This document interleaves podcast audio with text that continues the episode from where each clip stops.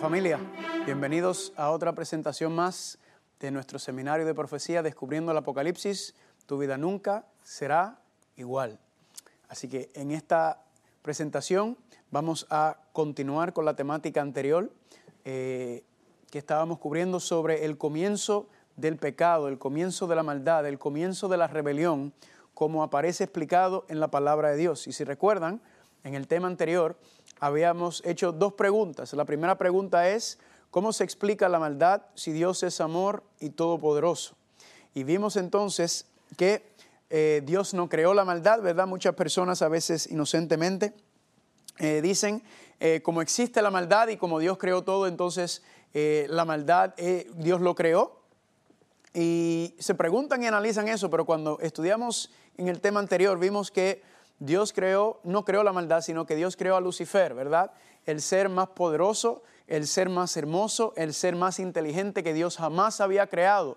Dios lo creó, ¿verdad? Y vimos eh, un estudio bien lindo del lugar, ¿verdad? Que tenía Lucifer. Ahí estaba al frente al trono de Dios, era uno de los querubines eh, protectores, ¿verdad? Eh, estaba en un lugar privilegiado verdaderamente, pero lamentablemente, como estudiamos, dice que dentro de Lucifer surgió nació, se halló la maldad, el pecado. Y si recuerdan, el sinónimo de la palabra pecado, maldad, eh, me gusta utilizar la palabra egoísmo, que quiere decir que el egoísmo es que yo pienso en mí. Y vimos que eso fue lo que le pasó a Lucifer. Él no estaba contento con el lugar, con la posición que Dios le había puesto, sino que él quería más. Él deseó más. Él no estaba, él quería y deseó y codició el trono de Dios. Vimos que él quiso ser Dios, él quiso usurpar y tomar el lugar de Dios sobre la tierra. Y la segunda pregunta, entonces, eh, que es cómo Dios va a resolver el problema de la maldad y el pecado sin destruirnos. Eso va a ser en nuestra próxima presentación, porque hoy vamos a, a, continuar entonces con la misma temática de cómo entonces llegó la maldad a la tierra, ¿verdad? ¿Cómo fue que llegó, cómo fue que nosotros, los seres humanos, nos vimos involucrados en, esta, en este gran conflicto cósmico, cuando vimos que toda la guerra, todo lo que comenzó, comenzó en el reino de los cielos, ¿verdad? La primera batalla, la primera guerra que surgió, dice Apocalipsis capítulo 12, versículo 7, que fue en el cielo. Así que la pregunta entonces que nos tenemos que hacer es, ¿cómo fue que llegó esta, esta situación, esta rebelión y se extendió aquí a la tierra? ¿Qué culpa tenemos nosotros si todo lo que ocurrió tuvo que haber en el cielo? ¿Por qué estamos nosotros envueltos en este conflicto cósmico? Y para eso, familia, entonces, eh, quiero llevarlos a un lugar muy interesante. Quiero que vayan conmigo a Génesis capítulo 3. Génesis capítulo 3. Y quizá usted se está preguntando, pero ¿y por qué vamos a ir a Génesis? ¿Por qué vamos a ir al libro de Génesis si esto se llama Descubriendo el Apocalipsis? Es un seminario de profecía. ¿Por qué el libro de Génesis? Y es muy sencillo. Como habíamos dicho anteriormente, el libro de Apocalipsis, la revelación, ¿verdad? El, el, correr el velo, el descubrir, el revelar el mensaje que Dios nos está revelando, que Dios nos está dando, es lo que está implícito en el libro de Apocalipsis. Pues familia, para entender entonces el Apocalipsis y lo que va a pasar al final y los eventos finales, tenemos que entonces ir al comienzo. Por eso la palabra Génesis significa orígenes, los comienzos. Porque para entender cómo llegamos a la situación, por qué estamos en esta y cómo es que va a terminar, tenemos que ir al principio. Y entonces yo quiero que me acompañen a Génesis capítulo 3 y quiero decirle algo sobre Génesis capítulo 3. Si las personas me preguntaran a mí cuál es el capítulo más importante de la Biblia, ¿verdad? ¿Cuál es el capítulo que, más impacta la Biblia?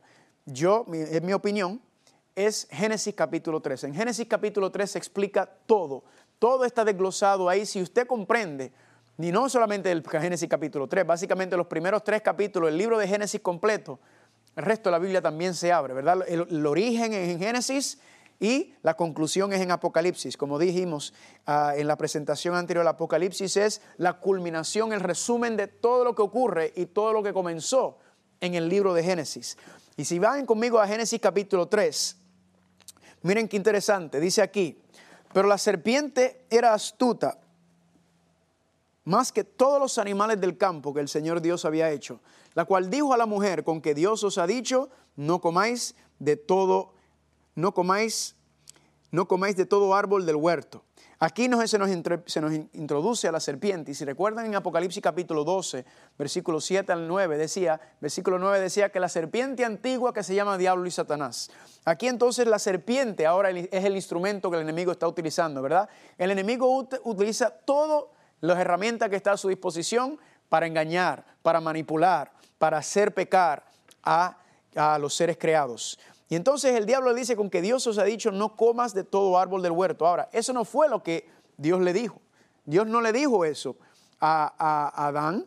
Así que vemos aquí el intento del diablo en tratar de torcer, ¿verdad? El diablo, eh, eh, como dijimos, es, es, un acusador, es un engañador, es un manipulador. Y él entonces toma la palabra de Dios y la tuerce a su manera, la, la mueve a su, a su antojo para crear el engaño. ¿Por qué? porque como habíamos mencionado anteriormente, no va a venir ahí con un engaño ahí directamente, porque sería muy fácil si apareciera con, sus pantalones rojos y su cola y su, el palito de la barbecue y con sus cuernos, sino que él entonces viene y él qué es lo que quiere. Él quiere entonces crear la impresión de que es de Dios, pero verdaderamente es una mentira. Eso es lo que el diablo dice, por eso hace, por eso habíamos dicho que es sumamente importante que usted conozca su Biblia, que estudie su Biblia. ¿Por qué? Porque el diablo se conoce la Biblia mejor que todos nosotros juntos. Y usted no se puede dejar llevar por lo que digo yo, por lo que dice otro. Usted tiene que tener su propia relación, su propio estudio con la Biblia. Así que le exhorto a que busque, a que estudie, a que escudriñe y esperemos que con este seminario usted pueda tener ese deseo de seguir profundizando. Sigue diciendo, versículo 2, si la mujer respondió a la serpiente, del fruto de los árboles del huerto podremos comer. Aquí ya el primer problema de la mujer en responder, ¿verdad que sí? Pero lamentablemente había sido engañada. Y sigue diciendo, pero del fruto del árbol que está en medio del huerto, dijo Dios, no comerás de él ni lo tocarás para que no mueras. Entonces, aquí ella, familia, está explicándole, está entrando en una discusión con la serpiente, diciéndole, no, Dios nos dijo que no comeremos ni tocáramos para que no que para que no muramos. Entonces la serpiente dijo a la mujer, ¿qué cosa? No morirás. En otras palabras, ¿qué le dijo la serpiente a la mujer? Dios te mintió. Dios es un mentiroso. Si recuerdan en la presentación anterior habíamos dicho las acusaciones del diablo, ¿verdad? Que Dios era un dictador, que Dios era un abusador, que Dios era un, eh, un sobornista, que era un corrupto. Ahora el Satanás acusa a Dios de ser un mentiroso porque le dijo que la serpiente le dijo a la mujer, no morirás. En otras palabras, Dios te está mintiendo. Dios no te está diciendo la verdad. Ahora, hay una razón, ahora el diablo le va a explicar, le va a, proponer que hay una razón por la cual Dios le está mintiendo. Y eso lo vemos en el versículo número 5. Dice, no morirás, sino que sabe Dios que el día que comas de él serán abiertos vuestros ojos y seréis como Dios. Entonces, ¿qué es lo que el diablo le está proponiendo a Eva? Le está diciendo, mira, Dios te mintió. Dios te está mintiendo, Dios es un mentiroso y Él no te está diciendo la verdad. Y ahí hay una razón detrás de la mentira. La razón por la cual Dios te mintió es porque Dios no quiere que tú seas como Él.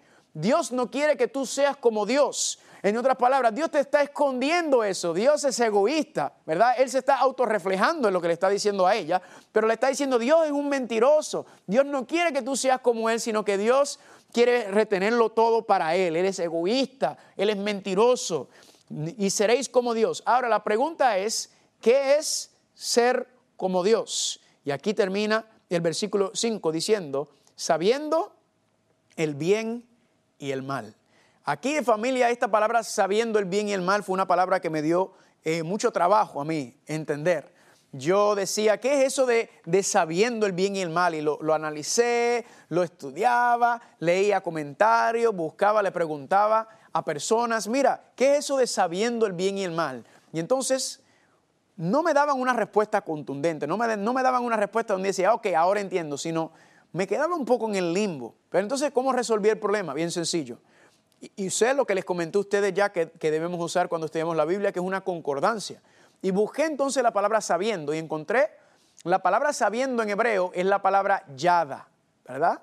La palabra yada. Y cuando encontré la definición de la palabra yada en hebreo, sí significa sabiendo o saber. Y se aplica. Pero también encontré que tiene una definición más profunda. Tiene una, enseñanza, eh, creo que aplica un, poco, un poquito más. Porque la palabra sabiendo también significa declarar o determinar. O sea, declarando o determinando. Así que cuando leemos Génesis capítulo 3, versículo 5, dice, pues sabe Dios, el día que Él comáis, serán abiertos vuestros ojos y seréis como Dios, sabiendo, yada o declarando, determinando, ¿qué cosa? El bien y el mal.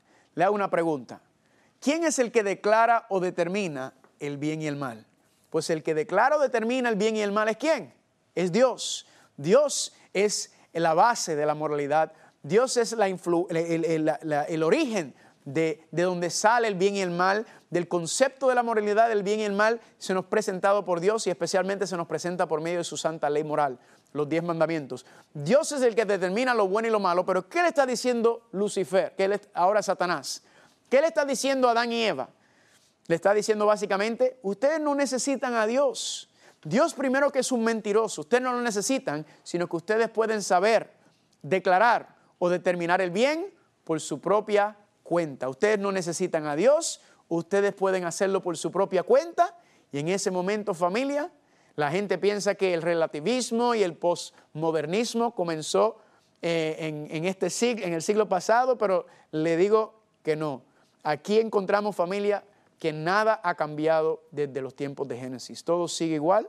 El concepto postmodernismo y el, relativismo, ¿verdad? Son nombres que se le da contemporáneamente. Estos conceptos ya existían. El diablo diciendo, ustedes no necesitan de Dios para saber el bien y el mal. Ustedes pueden determinar y declarar el bien y el mal por su propia cuenta. Ahora, ¿qué es lo que sucede? Que nos dice en el versículo 6, dice, y vio la mujer que el árbol era bueno para comer y era agradable a los ojos y árbol codiciable para alcanzar la sabiduría y tomó de su fruto y comió y dio también a su marido, el cual comió así como ella.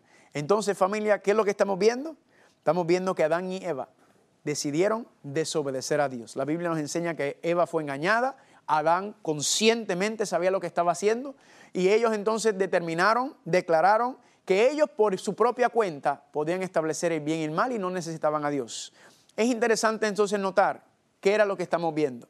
Básicamente lo que Adán y Eva le están diciendo a Dios es, gracias por haberme creado, gracias por haberme dado esta pareja tan linda y tan preciosa que me has dado, gracias por esta bendición, esta, esta tierra, este mundo que nos ha regalado, pero de ahora en adelante nosotros no necesitamos que tú nos digas qué es lo bueno y lo malo, sino que nosotros podemos determinarlo por nuestra propia cuenta. Nosotros podemos, entonces, lo que están diciendo es sentarnos en el trono de Dios, porque nosotros sabemos qué es lo bueno y lo malo. Y en esta dinámica, familia, muy interesante que está pasando, muy triste, de hecho, a Eva engañada, Adán conscientemente, ¿verdad? Adán, Adán hizo de Eva una diosa. Él puso a Eva primero que a Dios. Él no esperó a que Dios interviniera, que Dios trajera, trajera una solución, sino que Él mismo entonces tomó las cosas en sus propias manos y lamentablemente entonces nuestros primeros padres cayeron. Ahora, ¿qué es lo que hace Dios con un ser humano que decide, determina hacer las cosas por su propia cuenta? Pues ya habíamos hablado en un tema anterior que Dios es amor. Y si recuerdan, dije que la esencia del amor es la libertad, ¿verdad? La esencia del amor es la libertad. Entonces, cuando Adán y Eva deciden pecar, cuando deciden desobedecer a Dios, ¿qué es lo que ocurre? Dios no los aplasta como una cucaracha, ¿verdad? Por, por su rebelión. Dios no, no. ¿Qué hace Dios? Dios se apartó de ellos, familia. Dios se apartó de ellos por dos razones muy interesantes. Primero, porque Dios es amor y la esencia del amor es la libertad. Pero segundo, Dios se apartó de ellos para no destruirlos. Porque en ese mismo momento, familia, en ese mismo momento, en este acto en el cual Adán y Eva decidieron desobedecer a Dios y ser partícipes del reino del enemigo, el pecado fue, ellos fueron infectados por el pecado, por el egoísmo y por la maldad. ¿Y qué ocurre? Que Dios no puede estar en presencia de nada inmundo. Dios no puede estar en presencia de nada sucio, nada contaminado, porque la presencia de Dios destruiría inmediatamente aquello que se presenta. Así que, ¿qué hace? Se apartó de ellos. ¿Por qué?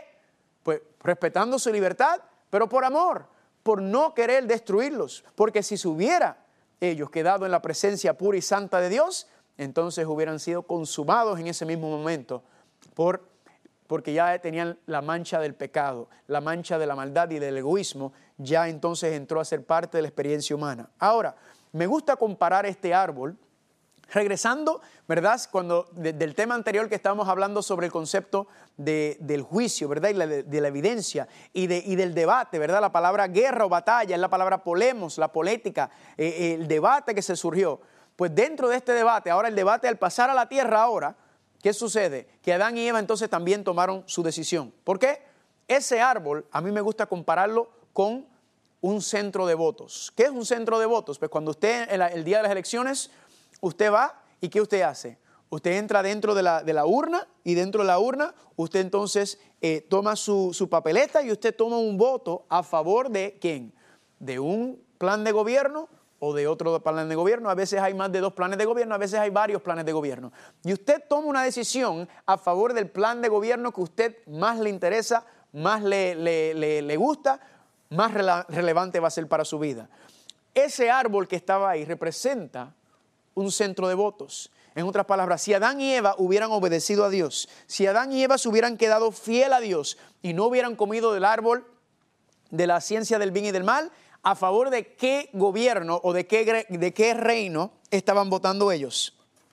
Pues al favor del reino de Dios, ¿verdad? Estaban tomando a favor de pertenecer y de dejar la tierra dentro de la autoridad del reino de, de, los cielos. Pero al comer del árbol y desobedecer a Dios, entonces lamentablemente ellos estaban tomando una decisión a favor de qué reino? A favor del reino de las tinieblas, a favor del reino del enemigo. Y familia, ellos tomaron su voto y lamentablemente entonces este mundo entonces entró dentro de la jurisdicción del reino de las tinieblas, de lo que el enemigo quería hacer. Así que regresando a Génesis capítulo 3 versículo 5, quiero que veamos esto.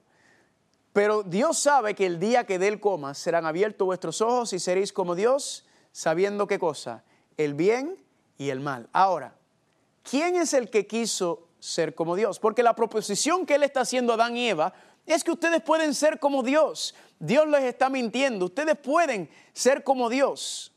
Pero ven acá familia. ¿Quién es el que quiso ser como Dios en, primera dimensión, en la primera instancia? Ya lo leímos en Isaías capítulo 14, versículo 12 al 14, ¿verdad? Que decía que Satanás dijo, yo seré, yo levantaré mi trono, yo subiré, yo seré como Dios. Entonces, él quiso ser como Dios. Pregunta, ¿Lo logró? No, no logró ser como Dios. Entonces, ¿qué es lo que él hace? Él trata de llevar a todos los demás a querer ser como Dios. Y así es como Él quiere engañarnos, tanto a los ángeles, la una tercera parte de los ángeles que se cayeron, como también aquí nosotros, los seres humanos, queremos. ¿Están conmigo? Y entonces, eh, en ese momento, familia, cuando Adán y Eva deciden desobedecer a Dios, cuando deciden votar a favor del plan de gobierno del enemigo, por encima del plan de gobierno de Dios. En ese momento, familia, entonces, ¿Dios qué hace? Dios se apartó de ellos. Dice 1 Samuel capítulo 2 versículo 30, un principio muy interesante. Yo honraré a los que me honran, pero los que me desprecian serán qué?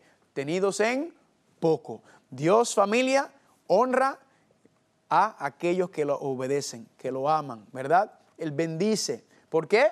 Porque es un Dios de bendiciones, es un Dios de gozo, es un Dios de alegría. Pero las personas que deciden desobedecer a Dios, las personas que deciden seguir su propio camino, las personas que deciden darle la espalda a Dios, entonces ¿qué hace Dios?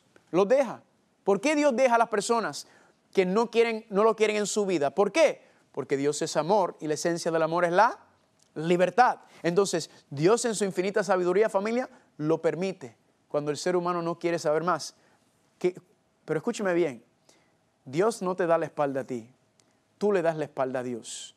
Nosotros somos los que decidimos darle la espalda a Dios, como Adán y Eva hicieron. No, no te necesitamos, nosotros podemos ser nuestro propio Dios. Y Dios entonces, ¿qué hace? Se aparta.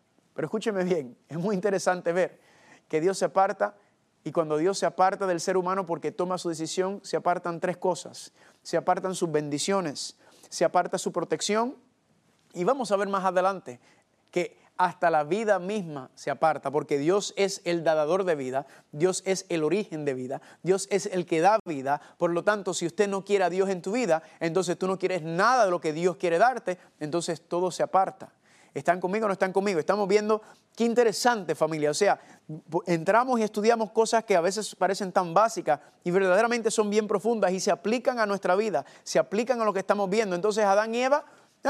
Se apartan deciden ponerse un lado, deciden seguir su propio rumbo y deciden seguir por sus propios caminos. Ahora, ¿cuál fue el resultado de la deshonra y de la desobediencia de Adán y Eva? ¿Cuál es el resultado de esa deshonra y esa desobediencia? Pues Romanos capítulo 6, versículo 16 lo dice. si se someten a alguien para obedecerlo como esclavos, se hacen esclavos de aquel a quien obedecen. Adán y Eva, al estar sometidos bajo la autoridad de Dios, pues estaban bajo el reino de Dios, pero nos dice Romanos 6:16 que al ellos desobedecer a Dios y al obedecer al diablo, entonces Adán y Eva se convirtieron en esclavos del diablo. Y si Adán y Eva eran los reyes, Adán era el rey y Eva la reina, si él era el gobernante de la tierra, Adán, quiere decir que al él someterse, al él obedecer al diablo, entonces el diablo se convierte en qué? Se convierte en el gobernante de esta tierra, se convierte en el príncipe. Y mucha gente se sorprende cuando escuchan esto. Dicen, ay, pero ¿cómo va a ser eso? Pues Jesucristo mismo lo dijo en Juan capítulo 14, versículo 13. Ya no hablaré mucho con ustedes, pues viene quién?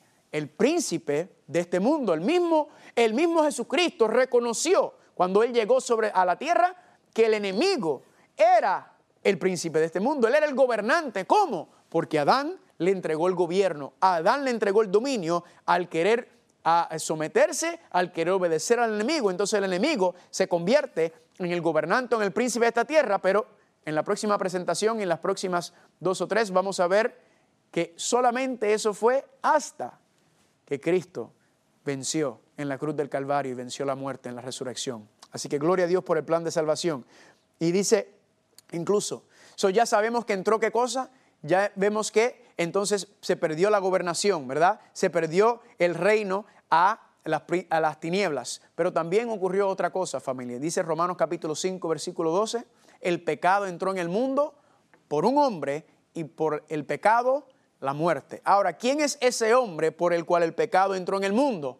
Pues Adán, ¿verdad? Así que cuando el pecado entró en el mundo por Adán, ¿qué es el pecado? Ya lo sabemos, el pecado, la maldad. ¿Cuál es el sinónimo? El egoísmo. El egoísmo, familia. Adán puso lo que él quería primero que Dios. Él puso sus deseos, ¿verdad? No sé cuál era la actitud de Adán, quizás diciendo, ay, voy a perder a mi mujer, quizás pensando que Dios le iba a quitar a Eva y no, se la iba no le iba a dar otra más, ¿verdad? repitiendo nuevamente, se adelantó, no esperó a que Dios interviniera y ver cuál era la solución que Dios iba a presentar. Adán se dio un paso al frente. ¿Y qué sucedió entonces? Al él tomar ese control, entró la maldad, entró el pecado. Adán y Eva entonces fueron infectados con el virus del pecado, con el virus de la maldad.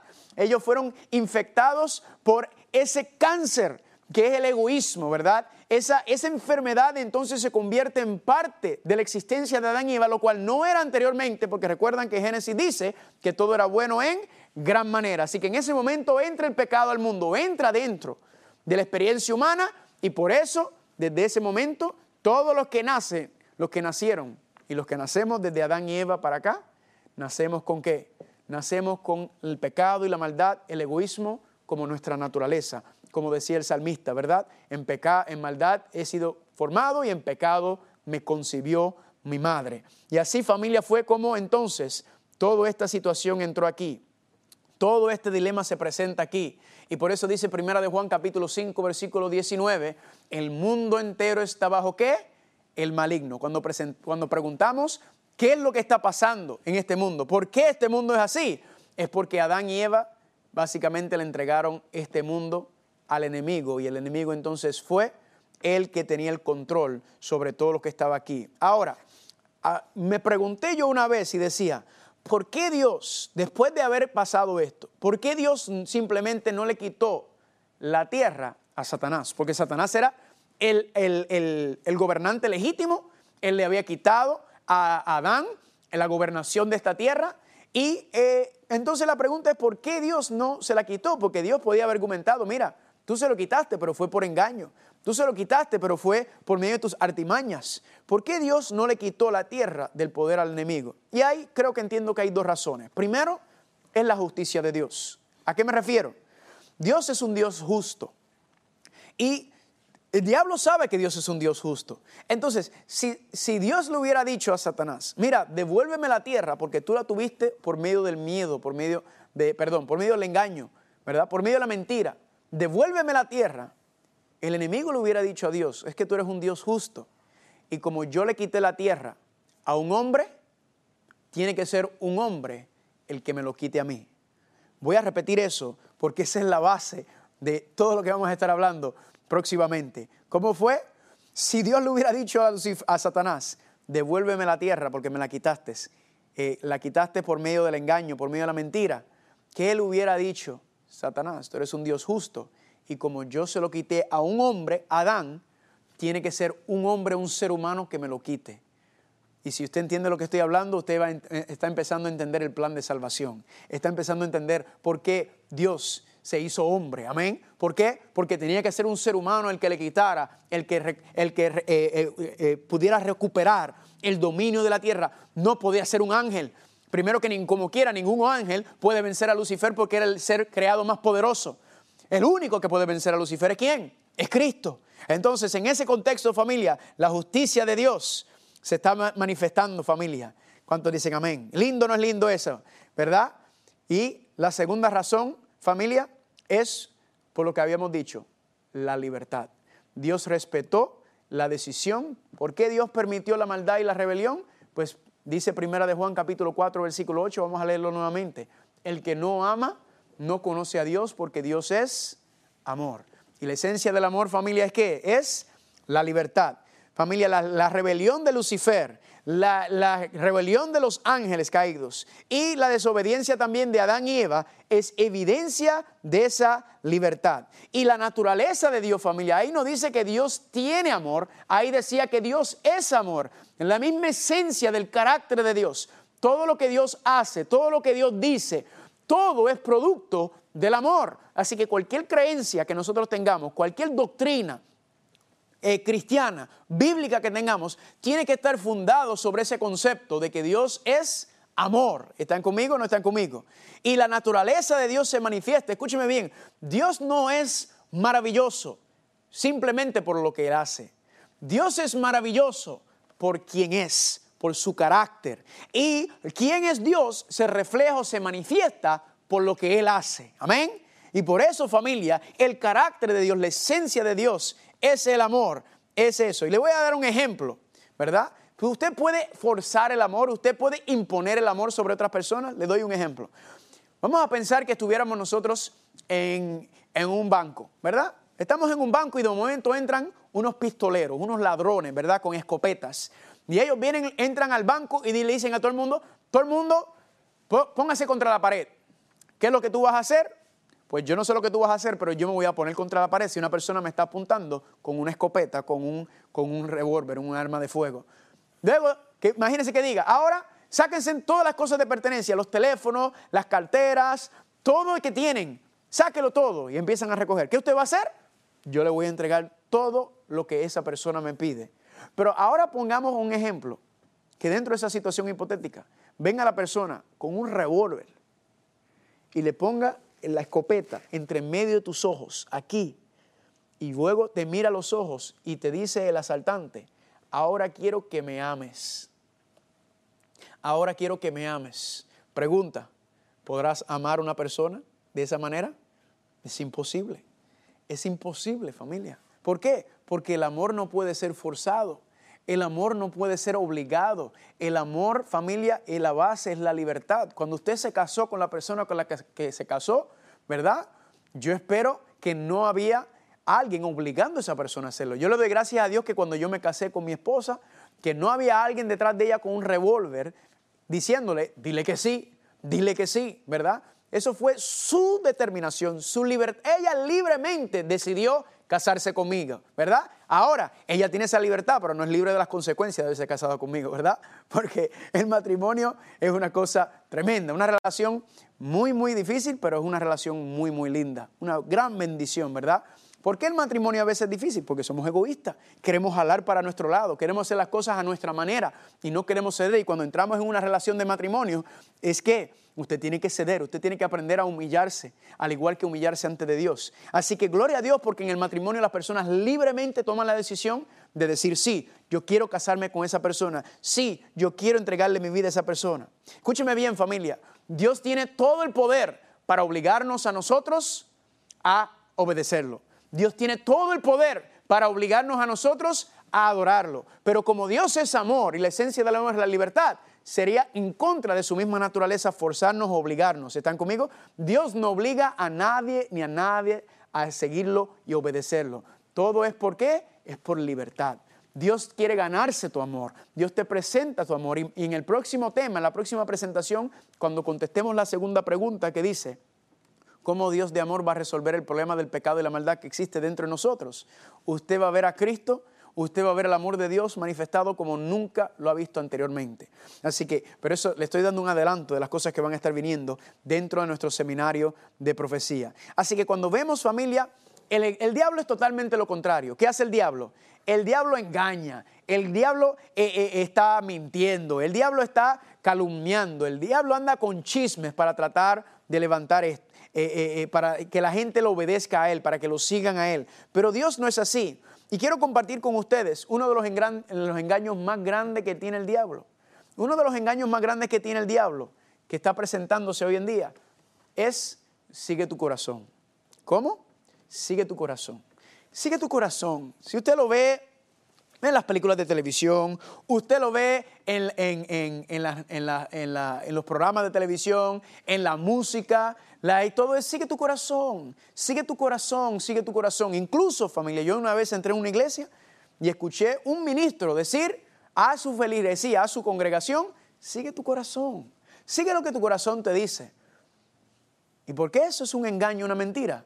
Familia, porque Jeremías capítulo 17, versículos 9 y 10 dice claramente, el corazón es engañoso y perverso, más que todas las cosas. ¿Quién puede decir que lo conoce? Lo conozco yo, el Señor. La Biblia nos enseña, familia, que el corazón humano, según el profeta Jeremías, Dios le dice, el corazón es engañoso y perverso. ¿Por qué el corazón humano es engañoso y perverso? Porque estamos hablando de la naturaleza humana, ¿verdad? La mente humana. Es que es egoísta y busca lo suyo y no quiere, solamente quiere pensar en él. Claro, algunos se manifiesta este grado de egoísmo más que en otros, pero todos tenemos cierto grado de egoísmo y especialmente usted lo nota, usted lo ve por medio de los bebés, ¿verdad que sí? Que, que, inconscientemente en su naturaleza, a veces, eh, eh, a veces no, ¿verdad? Son muy, son muy egoístas y quieren las cosas para ellos. Familia es nuestra naturaleza, familia. Y por eso dice el profeta Jeremías, usted no puede confiar en tu corazón no puedes. Así que esa gran mentira del diablo, confía en tu corazón, sigue tu corazón, sigue lo que está diciendo familia. Lamentablemente es una mentira del diablo. Dios no quiere que tú sigas tu corazón porque Él sabe que tu corazón es perverso, que tu corazón es egoísta, sino que Dios nos dice en Proverbios capítulo 22, versículos 17 al 19, dice, inclina tu oído y aplica tu corazón a mi sabiduría, porque es cosa deliciosa si guardares dentro de ti si juntamente se afirmaren sobre tus labios, porque, para, para que tu confianza sea en el Señor. ¿Qué dice el Señor? Aplica tu corazón en dónde?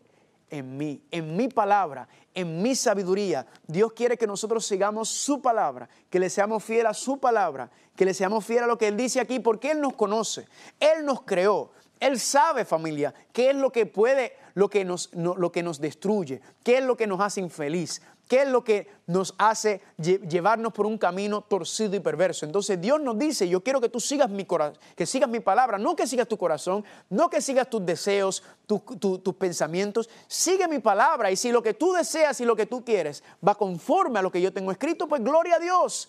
Pero aplica tu corazón a mi palabra, a mi sabiduría, a lo que yo estoy diciendo aquí. Familia, es un engaño del enemigo decir, ay, ¿qué es lo que sigue tu corazón.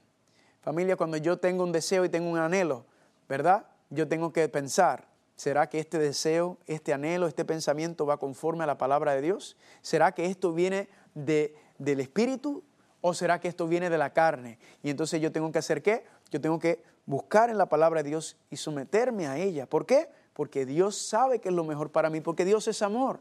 Y Dios no me va a pedir nada que esté contra eh, eh, no, me, va a pedir nada que vaya a hacerme daño.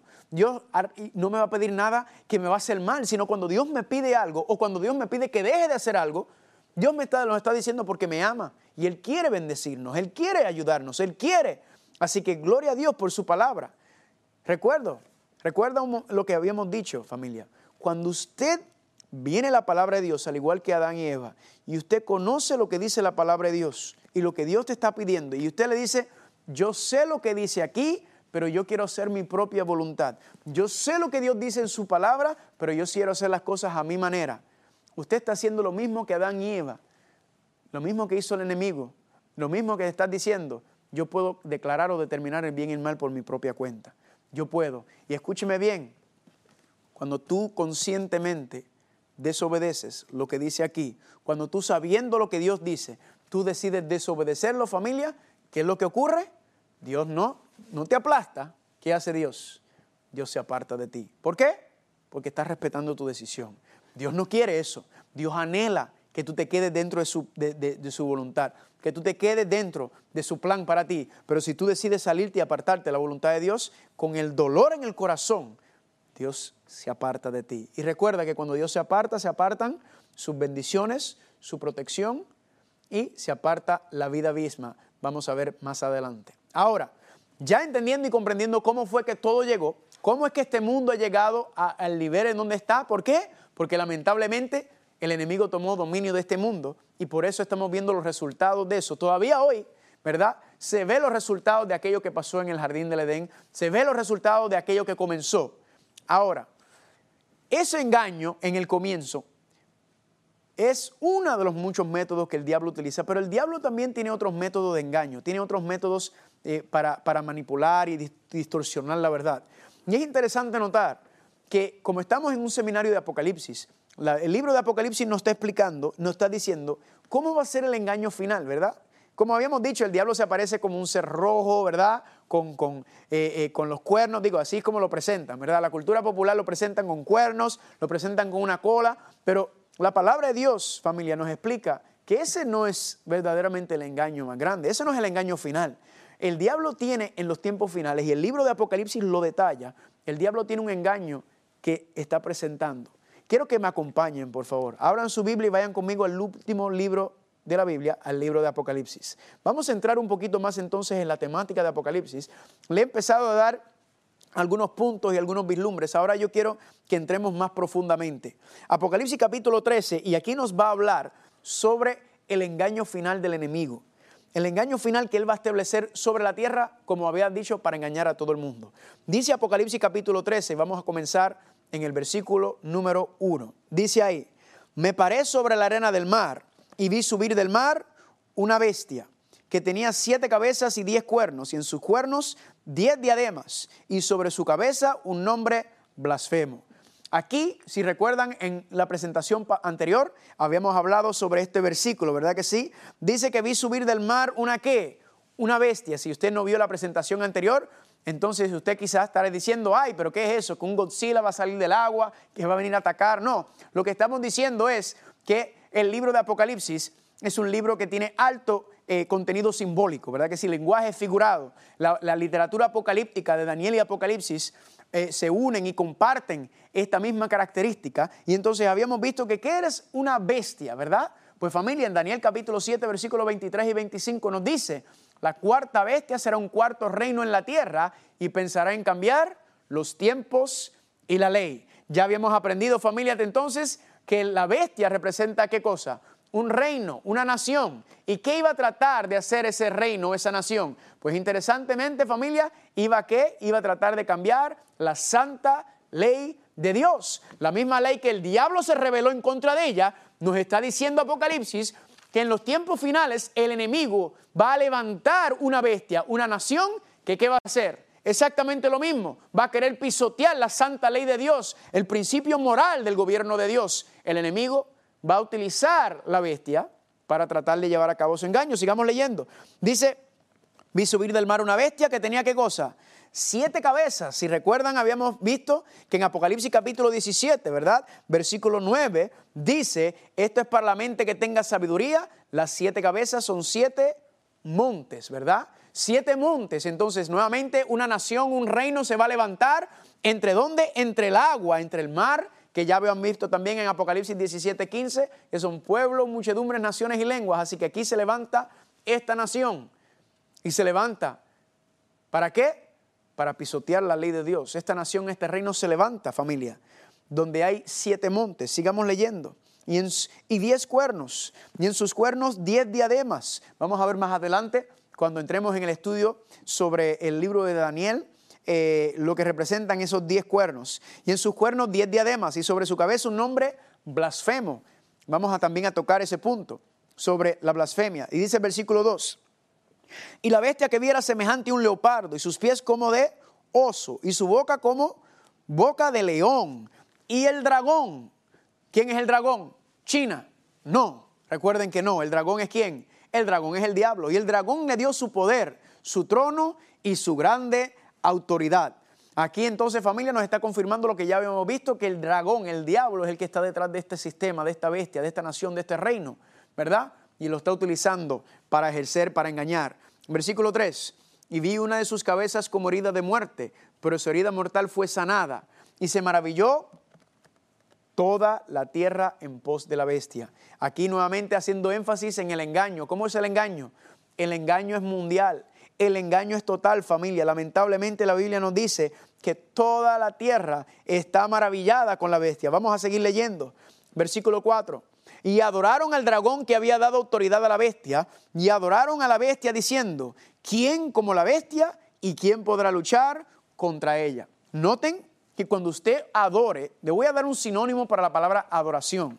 El sinónimo para la palabra adoración es la obediencia.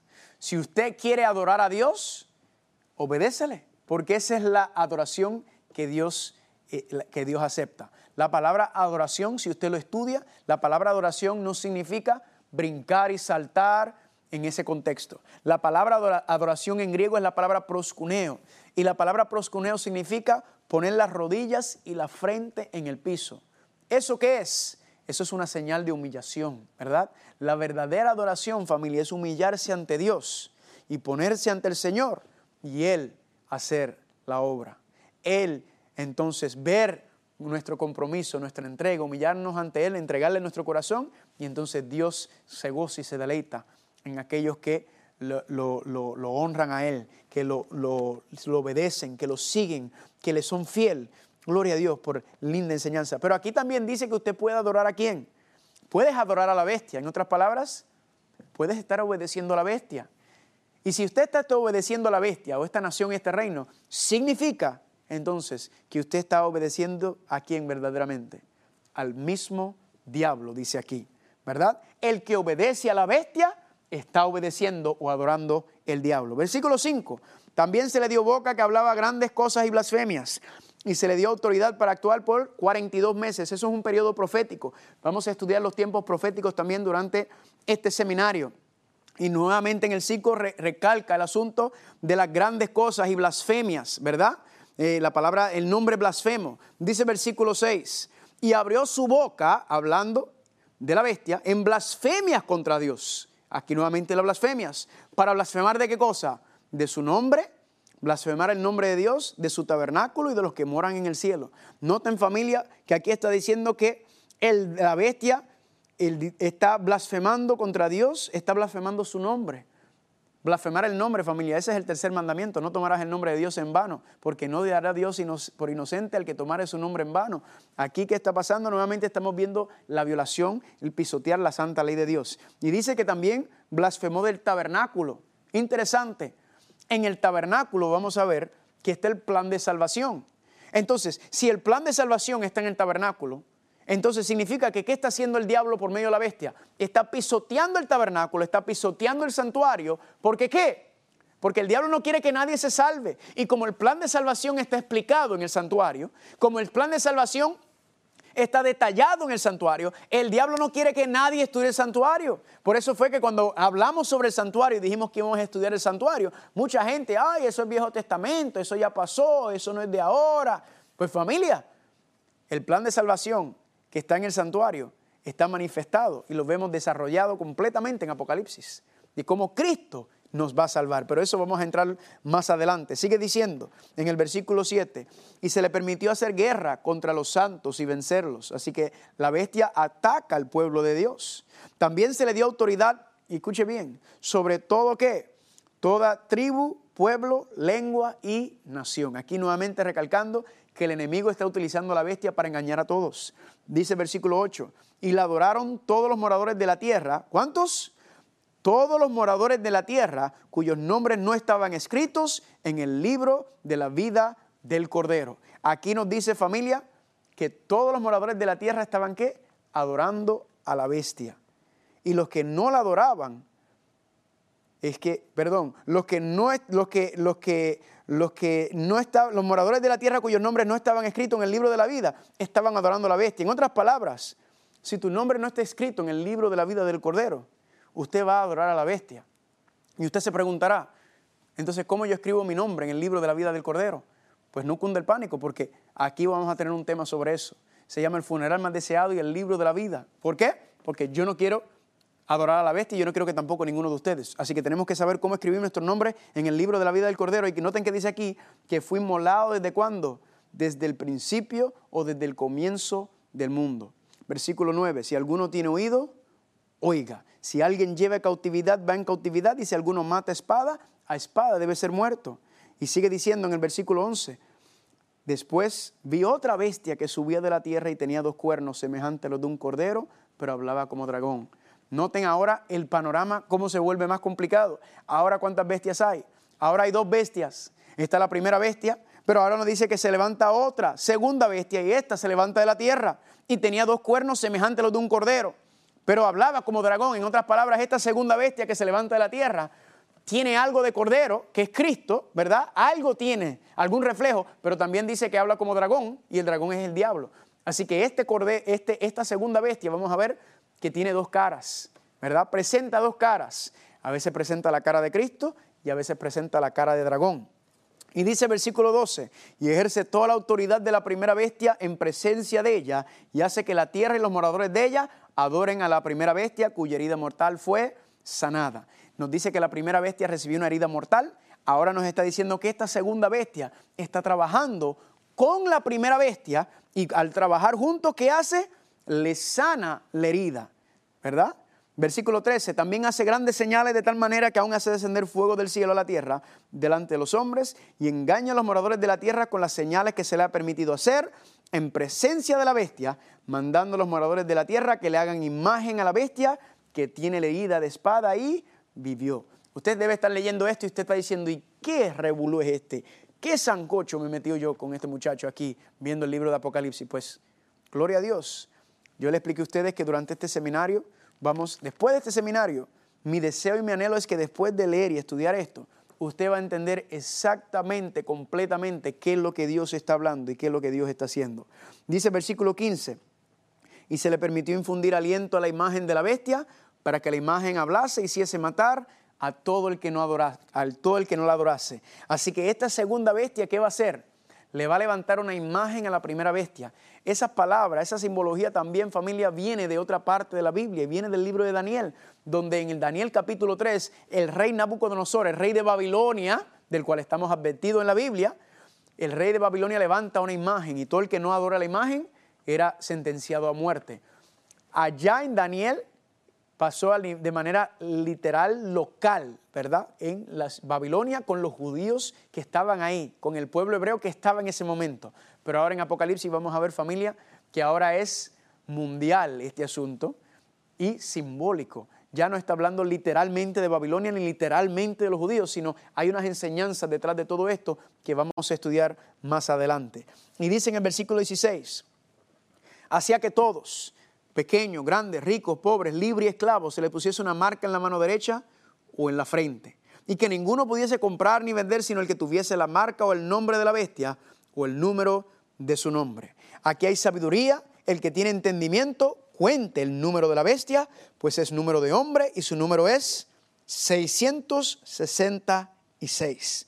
Aquí familia, nos, entonces estamos siendo introducidos no solamente a la primera bestia, no solamente a la segunda bestia, no solamente a la imagen de la bestia, sino también a la marca de la bestia, al número 666. Mucha gente piensa que la marca de la bestia es el número 666, pero eso no es lo que dice aquí. Aquí dice que el número es el número de su nombre, ¿verdad? Y el número de la bestia, pues es número de hombre. Así que esa persona que vamos a ver más adelante, que sale de la bestia, que es el anticristo, o vamos a ver que se le llama también el cuerno pequeño. Ese anticristo tiene un nombre y ese nombre tiene un número y el número es 666. Familia, lo que acabo de hacer es querer introducirlo a los conceptos que vamos a estar estudiando durante este seminario, ¿verdad? Entendiendo que el engaño del diablo final, el engaño más grande que se va a levantar, no es en estar vestido de rojo él, con sus cuernos, y creer que eso es, eh, eh, que eso de alguna manera eh, es importante. Al final del día, Apocalipsis nos está explicando que el enemigo viene con engaños. El enemigo viene con medio de esta bestia, de las dos bestias, para llevar un engaño mundial, para que todo el mundo caiga, familia. Y esta es la, la, batalla final, esta es la guerra final. Esto es lo que está hablando el libro de Apocalipsis que se va a desatar y todo esto lo vamos a ir estudiando y desglosando poco a poco. Así que yo espero que usted, como ya habíamos dicho, ¿verdad? Usted no tiene que asustarse, porque el libro de Apocalipsis no es para asustarnos. El libro de Apocalipsis simplemente nos está dando, profetizando sobre eventos futuros que van a pasar. ¿Con qué razón? Para que estemos preparados, para que no estemos engañados. Ahora, le hago una pregunta. ¿Tenemos que tenerle miedo al diablo? ¿Será que el diablo va a reinar por siempre? Pues ya nosotros sabemos que no. Pero miren lo que dice Romanos capítulo 16, versículo 20. Y el Dios de paz aplastará en breve a quién? A Satanás bajo nuestros pies. Yo digo gloria a Dios por eso. La Biblia enseña que el enemigo estaba llevando a cabo su plan. Dios lo permitió. ¿Para qué? Para que todo el universo y todos los seres creados sepan y entiendan lo que es seguir el plan del enemigo, lo que es ir en contra de la voluntad de Dios. Estamos viviendo los resultados de esas decisiones. Lo estamos viendo y palpando con nuestros propios ojos y nuestros propios sentidos. Todo esto lo estamos viendo, lo que es desobedecer a Dios, ir en contra de su voluntad. Pero quiero que noten, ¿y la bestia? ¿Será que la bestia también? Pues mire lo que dice Apocalipsis capítulo 19, vaya conmigo un momento. Apocalipsis capítulo 19, versículo 19, dice así, y vi a la bestia y a los reyes de la tierra y sus ejércitos reunidos para guerrear contra el que montaba el caballo y contra su ejército. Pero el versículo 20 nos dice, la bestia fue qué? Apresada y con ella el falso profeta que había hecho delante de ella las señales con las cuales había engañado a los que recibieron la marca de la bestia y habían adorado su imagen. Y estos fueron lanzados vivos dentro de un lago de fuego que arde con azufre. Así que la profecía nos, nos dice y nos enseña que aunque el diablo esté utilizando la bestia, aunque todo, todos los reyes de la tierra, todos los, la, mayoría de las personas del mundo estén adorando, siguiendo al enemigo, la profecía dice que también le va a llegar su final. Y cuando sea tirado en el lago de fuego, mire lo que dice Apocalipsis capítulo 20, versículo 14.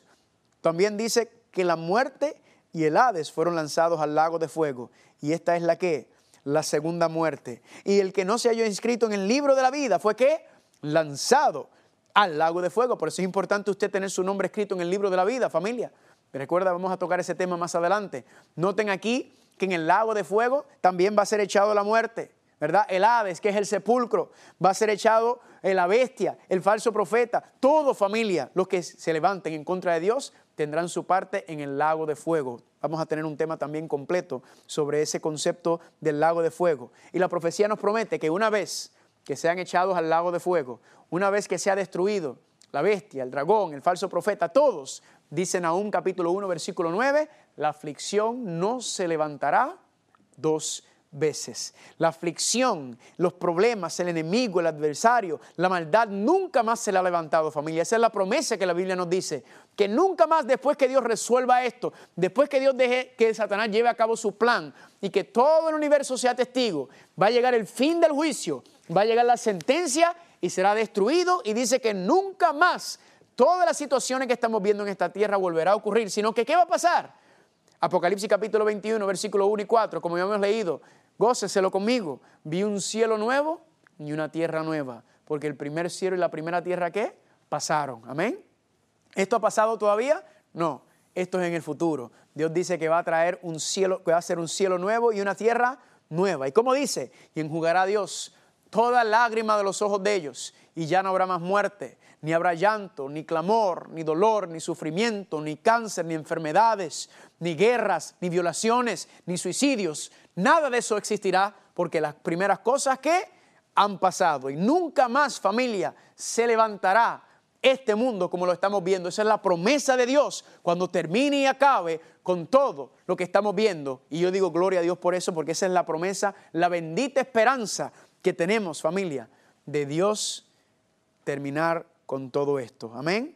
Y quiero leer con ustedes algo muy interesante en Apocalipsis capítulo 3, versículo 21, que yo espero que, que, lo asombre como me asombró a mí. Dice Apocalipsis capítulo 3, versículo 21, al que venciere le daré que se sienta conmigo en mi trono, así como yo he vencido y me he sentado con mi Padre en su trono. ¿Quién era el que quería sentarse en el trono de Dios? Era el diablo. Él lo, trató de hacer por manipulación, por engaño.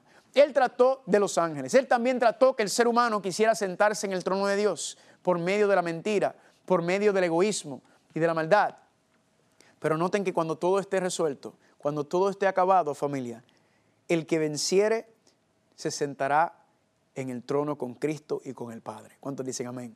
Qué linda bendición, familia. Nosotros seremos entonces adoptados a la familia real y nos sentaremos en el trono de Dios. Qué linda esperanza, familia. Qué bella esperanza, familia, de haber caído tan bajos a ser exaltado. Por eso dice la palabra de Dios, el que se humille será exaltado, pero el que se exalte como el diablo será que será humillado. Yo no sé usted, familia, pero yo quiero sentarme en ese trono. Yo quiero estar en ese día, en ese glorioso día, familia, y ser partícipe de eso. Ahora, la pregunta que nos tenemos que hacer es, mientras tanto, ¿qué debo hacer? ¿Cuál es la esperanza? Porque en este mundo hay sufrimiento, en este mundo hay dolor. Nos dice Juan capítulo 16, versículo 33 estas cosas les he hablado para que en mí tengan paz. En el mundo tendrán aflicción, pero confíen, yo he vencido al mundo. Dios no te dice que no va a haber sufrimiento, no va a haber problema, porque vivimos en un mundo donde todavía la mayoría de las personas en esta tierra le han entregado su corazón al diablo. Ya vamos a ver en la próxima presentación que el diablo ya no es el gobernante ni el rey de la tierra, pero Lamentablemente la Biblia nos dice que todavía hay personas que le han dado y le han dado esa posición, le han dado ese lugar en su vida y por eso familia hay sufrimiento. Todavía batallamos con la carne aquí en este mundo. Pero ¿cuál es la promesa? Tranquilos, que Cristo ya venció. Y por eso nos dice en Isaías capítulo 41, versículo 10, no temas que yo estoy contigo, no desmayes porque yo soy tu Dios. Yo te doy fuerzas, yo siempre te ayudaré, yo te sostengo con la diestra de mi justicia. ¿Quién está a la diestra de la justicia del Padre, familia? Es nuestro Señor y Salvador Cristo Jesús, prometiéndonos que Él está intercediendo, Él está luchando, Él está peleando, Él está con nosotros en esta batalla, a pesar de los problemas, a pesar de las dificultades, Él nos promete que está en cada paso, en cada momento con nosotros. Dice, no temas que yo estoy contigo, yo siempre te ayudaré. No sé el problema, la situación que estás pasando en tu vida, familia, pero sí tengo las promesas de Dios. La bendita esperanza de Dios nos da y dice, no importa lo que estés pasando, no importa la dificultad, confía en mí, sométete a mí y yo te voy a ayudar, yo te voy a llevar. Que el Señor los bendiga mucho.